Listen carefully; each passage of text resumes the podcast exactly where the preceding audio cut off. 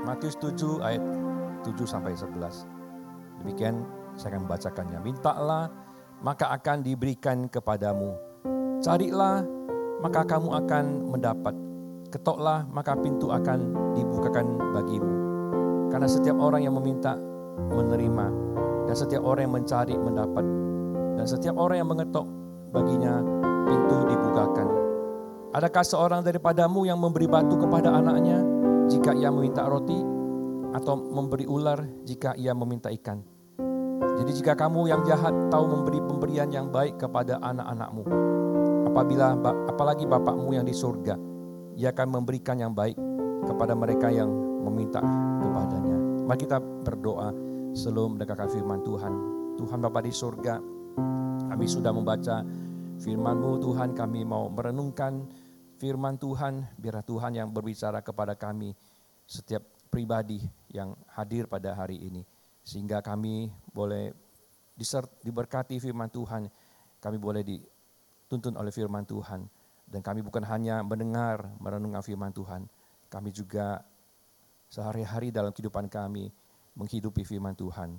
Terima kasih Tuhan, kami mohon berkat Tuhan. Dalam nama Tuhan Yesus kami berdoa. Amin. Bapak Ibu ada dua ekstrim ketika seseorang di dalam mensikapi hidupnya ya, di dalam dia meneng, uh, men, meng, mengharapkan jawaban doa daripada Tuhan. Ada orang yang uh, terlalu apa terlalu percaya gitu ya, over PD gitu. Yakin sekali bahwa apa pun yang dia minta kepada Tuhan, maka Eh, Tuhan pasti akan memberikan sebagaimana apa yang dia minta. Dan sering orang pakai ayat firman Tuhan ini ya, apa yang kita minta pasti Tuhan akan berikan. Yaitu ekstrem yang pertama. Ada sebuah kisah tentang uh, seorang ibu suatu kali dia ditelepon oleh orang rumahnya gitu ya. Ketika dia sedang bekerja, ada uh, orang yang bekerja di rumahnya, pembantunya telepon dia ke rumahnya. Ibu-ibu cepat pulang karena anak ibu lagi sakit, lagi demam, dia mesti cepat-cepat dibawa ke rumah sakit. Dan uh, buru-buru ibu itu menuju ke mobilnya, hendak bawa mobil pulang, eh dia baru sadar tadi pagi ketika dia keluar dari mobil, kuncinya itu tertinggal di dalam mobil itu. Jadi dia nggak bisa masuk ke dalam mobil itu. Dalam kepanikan dia berusaha dengan berbagai cara, tapi tidak bisa ya. Akhirnya dia berlutut berdoa, Tuhan, Tuhan tolong saya karena kalau saya nggak cepat-cepat pulang, anak saya akan semakin parah gitu ya. Setelah dia berdoa, dia buka mata, iya tiba-tiba ada seorang laki-laki yang betul besar ya, badannya penuh dengan tato, betul besar ada di depan dia gitu ya. Lalu uh, spontan aja ibu itu karena ada orang lain, ya dia mencoba itu ya, e, Pak tolong bantu saya, saya mesti cepat pulang, ini mau kunci mobil saya di dalam, gimana saya bisa buka pintu ini? Oh dia bilang mudah saja, ya enggak, uh, apa susahnya membuka apa pintu mobil yang terkunci itu. Dan benar-benar dia dari dompetnya ada keluarkan satu alat gitu ya semacam kawat gitu. Dia congkel-congkel sebentar terbuka pintunya gitu ya. Wah ya dia bersyukur sekali ya. Wah ini bapak sangat baik ya menolong saya. Uh, uh, apa uh, bapak ini bilang oh enggak saya bukan orang baik. Saya ini justru seorang penjahat. Saya baru satu jam lalu baru keluar dari penjara gitu ya. Karena saya, mas kenapa saya bisa masuk penjara? Karena saya seorang pencuri mobil dia bilang ya. Jadi ahli saya itu memang ini uh, apa mem, mem, membuka pintu mobil dan mencuri mobil dia bilang. Saya bukan orang baik. Wah setelah mendengar itu uh, ibu ini dia berdoa. Oh Tuhan terima kasih Tuhan. Tuhan bahkan mengirim seorang profesional buat saya begitu ya. Ah, uh, begitu yakin ya bahwa uh, sedemikian Tuhan menjawab doa kita. Tapi di sisi lain kadang ada orang yang uh, apatis ya. Bahkan ya tentu orang-orang tidak percaya, mereka orang-orang ateis, mereka tidak percaya bahwa Tuhan bisa menjawab doa. Nah ini juga ada kisahnya, ya ada kisahnya. Jadi suatu kali uh, ada tiga orang yang dianggap sudah melakukan kejahatan dan mereka akan dipancung uh, kepalanya itu. Gitu. Orang pertama dia seorang uh, seorang seorang ini, seorang yang beragama gitu ya. Seorang yang percaya, seorang yang beragama. Ketika dia mau dipancung, dia ditanya ya, Bapak sebelum Bapak dipancung, ada nggak kata-kata terakhir ya yang ingin Bapak sampaikan? oh ya saya akan berdoa ya Tuhan kalau memang ini kehendak Tuhan ya terjadilah tapi kalau jika tidak maka saya percaya Tuhan akan menolong saya gitu ya. Oke, udah selesai. Akhirnya di apa dilepaskanlah e, kaitan di bawah tali itu supaya itu apa pisaunya itu mengayun ke bawah kan. Pas sebelum kena lehernya itu berhenti itu ya ya e, pisaunya. Wah, semua orang juga kagum ya luar biasa ya. Doanya e, terjawab gitu ya. Enggak jadi terpancung. Ya udah, karena doamu terjawab, kamu dilepaskan gitu ya. Orang kedua, dia seorang ini, seorang lawyer ya. Seorang yang uh, apa? yang yang berjuang menegakkan keadilan, kebenaran. Apa yang akan Bapak sampaikan uh, katakan sebelum Bapak dipancung? Saya saya saya percaya ya yang benar pasti akan menang. Ya seperti dalam pengadilan-pengadilan orang yang benar pasti akan menang. Ya ke, ke apa? Uh, uh, kebenaran pasti akan yang um, yang menang gitu ya. Kalau memang saya ini tidak salah pasti tidak akan terjadi. Saya pasti akan bisa lolos daripada hukuman pancung ini. Ya sudah selesai. Dilepaskan lagi apa kaitan itu ya pancungnya. Eh sampai mau sampai lehernya nggak nggak itu uh, berhenti dia apa itu apa pisaunya itu.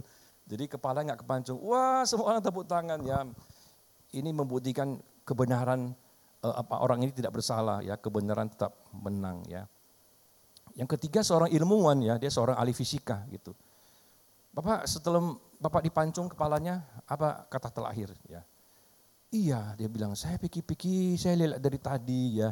Saya lihat di atas itu apa? Apa namanya itu? Katrolnya itu ketika talinya itu akan apa uh, uh, uh, uh, uh, apa turun ke bawah itu ada bagian yang nyangkut dia bilang ya jadi ketika pisau itu mau sampai ke leher kita, itu pas talinya itu nyangkut di situ. Dia bilang, coba tolong dibereskan itu dulu, nah, baru saya dipancung gitu ya. Dan akhirnya dibereskan, akhirnya benar-benar kepancung lehernya ya si ahli fisika ini. Seorang yang tidak percaya akan doa. Itu dua ekstrim Bapak Ibu. Nah ketika kita baca ayat firman Tuhan ini bagaimana sikap kita gitu ya. Eh, sejauh mana kita percaya Tuhan menjawab doa kita. Ketika Tuhan menjawab doa kita, seperti apa Tuhan uh, menjawab doa kita? Nah yang pertama, kita belajar di sini pertama adalah bahwa memang Tuhan itu adalah Tuhan yang menjawab doa. Jangan kita uh, justru jadi ragu ya, Tuhan menjawab doa kita gak? Jadi sambil kita berdoa kita sambil ragu gitu. Apa itu kalau kita baca di sini kita bisa belajar satu hal bahwa Tuhan kita adalah memang Tuhan yang benar-benar menjawab doa kita. Jangan kita ketika berdoa itu kita ragu bahwa Tuhan itu bisa menjawab doa kita. Kita lihat ketika eh, kalimat kata-kata yang digunakan di sini ya, Yesus katakan jika engkau meminta maka akan diberi, nggak akan nggak dikatakan jika engkau meminta maka mungkin ya bisa saja kamu diberi gitu ya. Ketika akan anda minta diberi ya respon yang uh, apa reaksi yang positif. Ketika engkau mencari mendapatkan. Ketika engkau mengetok pintu maka pintu akan dibukakan bagimu Bapak Ibu. Dan tentu ini bukan uh, sekedar basa-basi. Ketika Tuhan berikan perintah dan janji, maka pasti Tuhan akan tepati. Gak mungkin Tuhan berikan perintah dan dan itu tidak akan terjadi, gitu ya. Dia berikan perintah kepada kita untuk meminta, untuk berdoa, sudah tentu karena Tuhan pasti akan menjawab doa kita. Bukan hanya sekedar basa-basi gitu ya, seperti kita uh, apa uh, uh, uh, apa Eh, bisa sama anak kita gitu ya. Ya kalau kamu pintar ya, kalau kamu ini sekolah yang baik, kamu pintar, nanti papa akan berikan kamu mobil ya. Nah, hanya basa-basi. Nanti kalau setelah setelah dia lulus dapat juara pertama, lihat-lihat dulu gitu ya. Ekonomi lagi baik enggak gitu ya. Uh, tidak belum tentu, belum tentu diberikan. Ya, tidak seperti itu. Ketika Tuhan meminta kita berdoa dan Tuhan katakan pasti uh, engkau akan mendapatkan. Ketika engkau meminta engkau akan diberikan. Ketika engkau mencari engkau akan menemukan. Ketika engkau mengetok pintu maka pintu akan dibukakan bagimu. Itu artinya bahwa ketika kita berdoa Tuhan pasti akan menjawab doa kita. Bahkan tanpa kita minta pun Tuhan memberi. Kalau kita renungkan Bapak Ibu ya, banyak hal yang tanpa kita minta pun Tuhan beri. Tidak selalu Tuhan memberi hanya kalau kita meminta. Ya. Kebutuhan hidup kita sehari-hari Bapak Ibu. Apakah itu semata-mata karena kekuatan kita, kita masih bisa bangun pagi, masih bisa bekerja, kita masih bisa sehat, kita masih uh, bisa punya usaha, kita masih bisa jalani itu semua, kita masih aman-aman, ya. Apakah itu kebetulan? Oh tidak, itu karena ada Tuhan yang pelihara kehidupan kita. Ada orang katakan sebelum kita meminta apa-apa sama Tuhan, Tuhan sudah sediakan itu ketika Tuhan ciptakan alam semesta ini.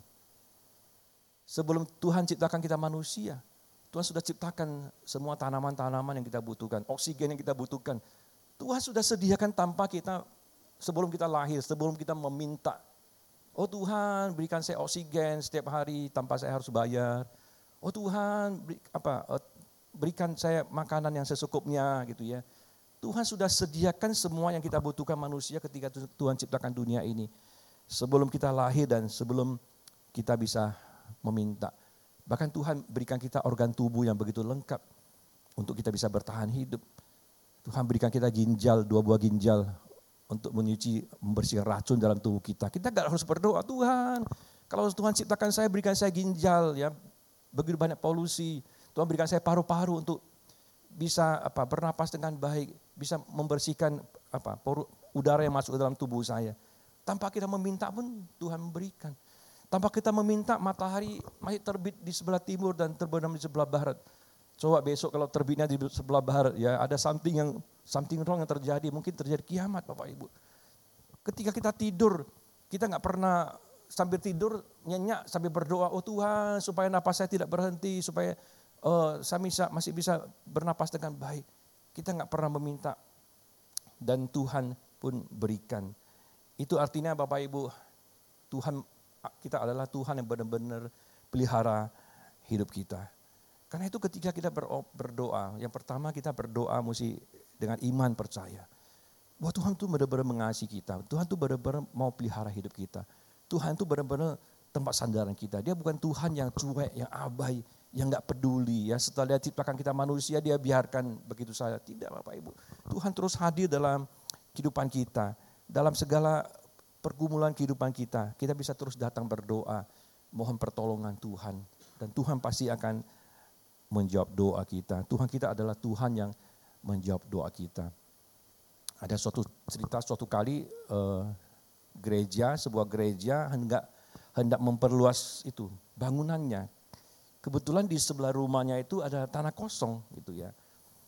Tapi sebelum mereka membeli tanah itu, eh sudah dibeli oleh seorang pengusaha dan pengusaha itu rencana mau membuat diskotik malah di samping gereja ya mau bangun diskotik di samping gereja. Wah mereka semua akhirnya di, apa, pendeta ngajak mereka berdoa, berdoa, berdoa. Supaya tidak jadi beli ya. Berdoa, eh gak tahu gimana dengan berbagai cara mereka justru berhasil beli tanah di sebelah gereja itu ya. Ya kita doakan, doakan walaupun sudah beli tidak berhasil bangun ya. Mungkin mereka kurang dana atau tidak dapat izin karena membangun diskotik di samping gereja ya. Doa, doa, doa, doa. Eh Akhirnya jadi ya, jadi diskotik juga ya. Waduh, kita doa lagi, doa lagi. Supaya terjadi kebakaran atau musibah sehingga diskotiknya ini tidak jadi beroperasi ya. Eh benar-benar ya Bapak Ibu ya, terjadi kebakaran dan bangkrut uh, si pengusaha ini. Dan pengusaha ini ya namanya orang berdoa di tempat umum nggak di gereja kan. Dia dengar-dengar juga, wah ternyata gara-gara mereka berdoa, akhirnya dia menggugat gereja ke pengadilan Waduh di pengadilan Pak Hakim bingung ya, baru kali ini saya temukan kasus seperti ini ya. Ada orang menggugat menggugat gereja karena gereja mendoakan sehingga mengakibatkan diskotiknya kebakaran gitu ya. Waduh ribut di sana. Dari dari pihak pihak e, pengusaha berargumen bahwa gara-gara dia berdoa mereka berdoa maka diskotik saya terbakar sehingga mereka harus mendapatkan denda atau hukuman. Sedangkan dari sisi gereja tidak, oh enggak, bukan gara-gara kita berdoa, tapi memang ya memang kamu lalai sehingga ini apa uh, pub, uh, diskotik kamu bisa terbakar ya, terjadi terjadi apa uh, uh, uh, apa perang argumen di situ ya. Tapi kemudian hakimnya bingung dia bilang ya, saya tambah gak ngerti dia bilang ya. Orang yang rajin berdoa gak percaya kuasa doa gitu. Sehingga dia, enggak bukan kami, bukan kami yang berdoa sehingga diskotikmu terbakar. Sedangkan orang yang tidak percaya doa, percaya bahwa gara-gara doamu pabriknya terbakar gitu ya. Jadi terbalik ya. Ah, jadi jangan kita terjadi seperti itu. Ketika kita berdoa, Bapak Ibu kita mesti percaya bahwa Tuhan pasti menjawab doa kita. Itu yang pertama ya. Kita uh, mesti singkat waktu. Yang kedua adalah bahwa uh, walaupun Tuhan menjawab doa kita, Tuhan tidak selalu menjawab seperti apa yang kita kehendaki. Karena apa? Karena Tuhan tahu yang lebih baik buat kita dan Tuhan hanya memberikan yang baik buat kita. Tuhan tidak akan pernah memberikan yang tidak baik buat kita. Semua yang Tuhan berikan kepada kita selalu baik. Dan masalahnya adalah apa yang kita pikirkan baik belum tentu baik menurut pikiran Tuhan apa yang Tuhan pikirkan uh, baik, kadang kita tidak berpikir, belum belum tentu berpikir itu baik gitu ya. Sehingga kadang kita bisa salah di dalam doa kita. Kita bisa salah di dalam permintaan doa kita. Ketika kita salah dalam meminta sesuatu kepada Tuhan, yang kita minta tidak baik dan kita pikir itu baik, maka Tuhan tidak akan memberikan yang tidak baik kepada kita. Walaupun kita meminta yang tidak baik, Tuhan tetap akan berikan yang baik kepada kita. Bapak Ibu ingat gak dalam firman Tuhan dalam kejadian, ketika Tuhan ciptakan dunia ini, dari awal pun Tuhan selalu berikan yang baik. Dari hari pertama sampai hari ke-6 sebelum menciptakan manusia. Setelah Tuhan menciptakan alam semesta, Tuhan selalu katakan baik, ciptaanku baik, baik. Mana ada yang tidak baik? Selalu baik, baik. Dan ketika selesai menciptakan eh, alam semesta dan menciptakan manusia, Tuhan berkatakan ciptakan ciptaannya itu sangat amat baik. Karena itu pertanyaan di ayat 9 dan 10 itu pertanyaan retoris, artinya pertanyaan yang memang sudah tahu jawabannya. ya. Gak mungkin uh, Tuhan itu seperti seorang ayah, ayat 9 katakan apa? So, seorang gak mungkin seorang yang meminta bat, apa uh, ya ayah ya, adakah seorang daripadamu yang memberikan batu kepada anaknya jika meminta roti? Ya nggak mungkin. Pertanyaan retoris, sesuatu yang nggak usah dijawab, nggak usah di, nggak usah dipikir-pikir lagi, ya, yang sudah ditahu jawaban, atau memberikan ular jika ia meminta ikan. Nggak mungkin. Ya kita yang jadi orang tua pasti lebih memahami ini ya. Nggak mungkin kita memberikan hal yang tidak baik kepada anak kita. Ya namanya kita orang tua ya, jangankan uh, memberikan yang terbaik ya. Bahkan kita berkorban pun kita, ya kita berkorban ya untuk anak kita. Yang menggambarkan seperti seorang tua ya. Bahkan orang tua itu pun manusia ya, manusia yang lemah. Ya kadang uh, kita sebagai orang tua kita bisa salah juga kepada anak kita. Kita bisa salah didik ya, salah salah kasih nasihat, salah ngajarin bisa juga kadang. Karena kita manusia terbatas, kita tidak sempurna. Sedangkan Tuhan itu sempurna. Tuhan tahu apa yang terbaik buat kita.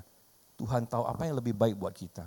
Sehingga ketika Tuhan yang maha tahu itu, maka dia akan senantiasa memberikan baik yang menurut pikiran Tuhan. Bukan menurut pikiran kita. Bagaimana Tuhan tidak memberikan yang terbaik Bapak Ibu ya. Anaknya yang tunggal ya Tuhan Yesus satu-satunya anak yang tunggal. Itu pun diberikan kepada kita. Ya untuk apa? Menebus dosa kita. Supaya kita tidak binasa supaya kita tidak apa eh, mengalami penghukuman Tuhan ketika kita meninggalkan dunia ini. Anaknya yang tunggal pun dia berikan kepada kita. Roma 3 ayat 3 dan 4 mengatakan apa? Ketidaksetiaan manusia itu tidak akan menghilangkan ketidaksetiaan Tuhan. Kita, Tuhan ciptakan kita manusia baik-baik, serupa dengan gambar rupa dia. Eh pergi apa berbuat dosa ya Adam dan Hawa. Pergi berbuat dosa, menyakiti hati Tuhan, meninggalkan Tuhan. Ketika manusia berbuat dosa, apakah Tuhan tinggalkan manusia? Oh tidak. Tuhan datang mencari manusia itu. Tuhan selamatkan manusia itu. Kita seperti domba yang hilang yang Tuhan cari untuk dibawa kembali. Padahal Tuhan gak wajib melakukan itu. Memangnya Tuhan wajib untuk ampuni dosa kita? Memangnya Tuhan wajib untuk selamatkan kita? Oh tidak. Sampai hari ini punya jika Tuhan Yesus tidak pernah datang ke dunia ini. Mengampuni dosa kita, menebus kita. Tuhan nggak berhutang apa-apa sama kita. Kita nggak bisa nuntut Tuhan kenapa nggak tebus dosa saya? Oh nggak bisa. Yang harusnya yang harusnya Tuhan lakukan adalah menghukum kita. Itu namanya keadilan. Ketika seorang berbuat salah, adil artinya seorang dihukum menurut kesalahannya. Ya, ketika seorang membunuh, ya, mencuri, merampok, maka hukuman yang adil itu apa? Ya, dia harus dihukum setimpal dengan dia yang dia lakukan. Tuhan tidak wajib untuk menebus kita, tapi tapi ketidaksetiaan kita pun tidak menghilangkan kesetiaan Tuhan. Artinya bahwa Tuhan itu senantiasa baik adanya. Sehingga ketika kita berdoa, kita mesti berdoa dengan iman, dengan penuh berserah kepada Tuhan. Jangan kita berdoa dengan ngotot gitu ya. Tuhan harus apa yang saya inginkan, yang Tuhan berikan. Tuhan apa yang yang minta itu persis itu yang Tuhan berikan. Ya, kalau enggak saya akan marah sama Tuhan. Ah, ketika kita berdoa, kita harus berdoa dengan iman percaya bahwa Tuhan tahu yang lebih baik dan Tuhan pasti akan berikan yang terbaik ya. Seperti seorang bapak tidak mungkin tidak akan memberikan yang tidak baik kepada anaknya. Demikian Tuhan kita yang sering kita sebut, kita panggil dia sebagai bapak. Dia tidak akan memberikan yang tidak baik. Karena itu ketika dia berdoa, berserah saja Tuhan. Ya jadilah kehendakmu, itu kan yang diajarkan Tuhan Yesus kan dalam doa. Jadilah kehendakmu Tuhan, engkau tahu yang terbaik. Melampaui apa yang saya tahu. Jangan kita berdoa itu apa ya eh, berdoa dengan ngotot ya. Kita sudah punya agenda dan mengotot ya. Wah, supaya apa Tuhan tetap mesti apa menjawab seperti apa yang saya kehendaki. Ada dua orang apa pedagang, yang satu penjual payung, satu penjual es krim. Dua-duanya orang Kristen, dua-duanya berdoa sungguh-sungguh. Tuhan mau jawab doa siapa? Coba. Penjual payung minta Tuhan supaya hujan terus ya payung saya laku gitu ya. Penjual es krim doa, oh Tuhan, jangan dingin-dingin Tuhan. Uh, kasih panas sedikit ya supaya orang beli es krim saya gitu. Nah, Tuhan mau jawab doa siapa gitu ya. Tuhan Tuhan pasti bisa uh, Tuhan bijak itu pasti bisa menjawab yang terbaik ya. Yaitu ya Tuhan kadang berikan hujan, kadang kita berikan panas terik. Kita membutuhkan dua-duanya. Tapi seorang penjual payung yang berdoa dengan berserah penuh pasti Tuhan akan selalu berkati dia. Memberikan yang terbaik itu. Kadang Tuhan kasih hujan supaya payungnya laku. Kadang Tuhan berikan panas terik. Tapi dalam panas terik itu orang beli payung kan. Ayo ibu-ibu kalau panas terik, bawa payung nggak? Kalau nggak naik mobil, bawa payung supaya nggak hitam kulit dia bisanya gitu kan, nggak terlalu panas. Ketika panas terik juga bisa beli payung, benar nggak? Itulah artinya ketika kita berdoa dengan berserah penuh kepada Tuhan, situasi apa pun yang Tuhan izinkan terjadi itu pasti yang terbaik. Tuhan adalah Tuhan yang maha bijak. Dia akan senantiasa berikan yang terbaik buat kita. Ya, ada satu cerita singkat ya sebelum kita uh, masuk dalam doa. Bapak Ibu tahun 2002 itu Piala Dunia ya. Uh, saya terlalu nggak terlalu hobi apa sepak bola tapi ada cerita-cerita yang menarik ya. Dalam Piala Dunia tahun 2002 itu ini diadakan di Korea Selatan.